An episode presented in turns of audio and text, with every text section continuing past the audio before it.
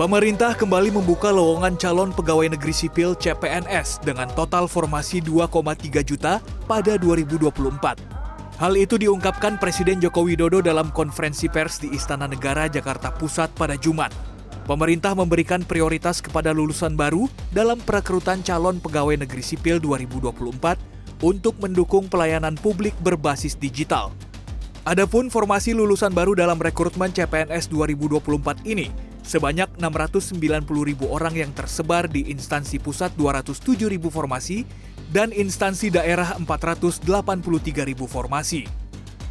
Disrupsi teknologi yang sangat pesat, pemerintah membutuhkan para pembelajar muda yang terampil dari berbagai disiplin ilmu untuk mendukung pelayanan publik berbasis digital, efisiensi birokrasi, dan mendorong peningkatan kinerja serta akuntabilitas pemerintah. Sementara itu, untuk mengantisipasi adanya kecurangan dalam seleksi penerimaan CPNS yang menggunakan joki, Menteri Pendayagunaan Aparatur Negara dan Reformasi Birokrasi, Abdullah Azwar Anas, akan memperketat proses seleksi penerimaan CPNS tahun 2024 dengan sistem pengenalan wajah ini menggunakan sistem CAT sehingga nilainya real time orang tuanya bisa melihat dari luar. Dan sekarang kita lengkapi dengan face recognition. Sehingga dengan demikian tidak bisa lagi ada joki yang akan membantu pelaksanaan tes ini.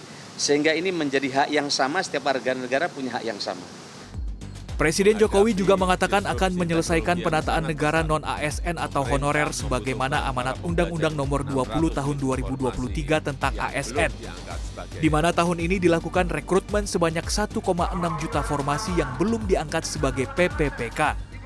Formasi tersebut akan dialokasikan untuk guru, dosen, tenaga kesehatan, serta tenaga teknis sesuai dengan kebutuhan.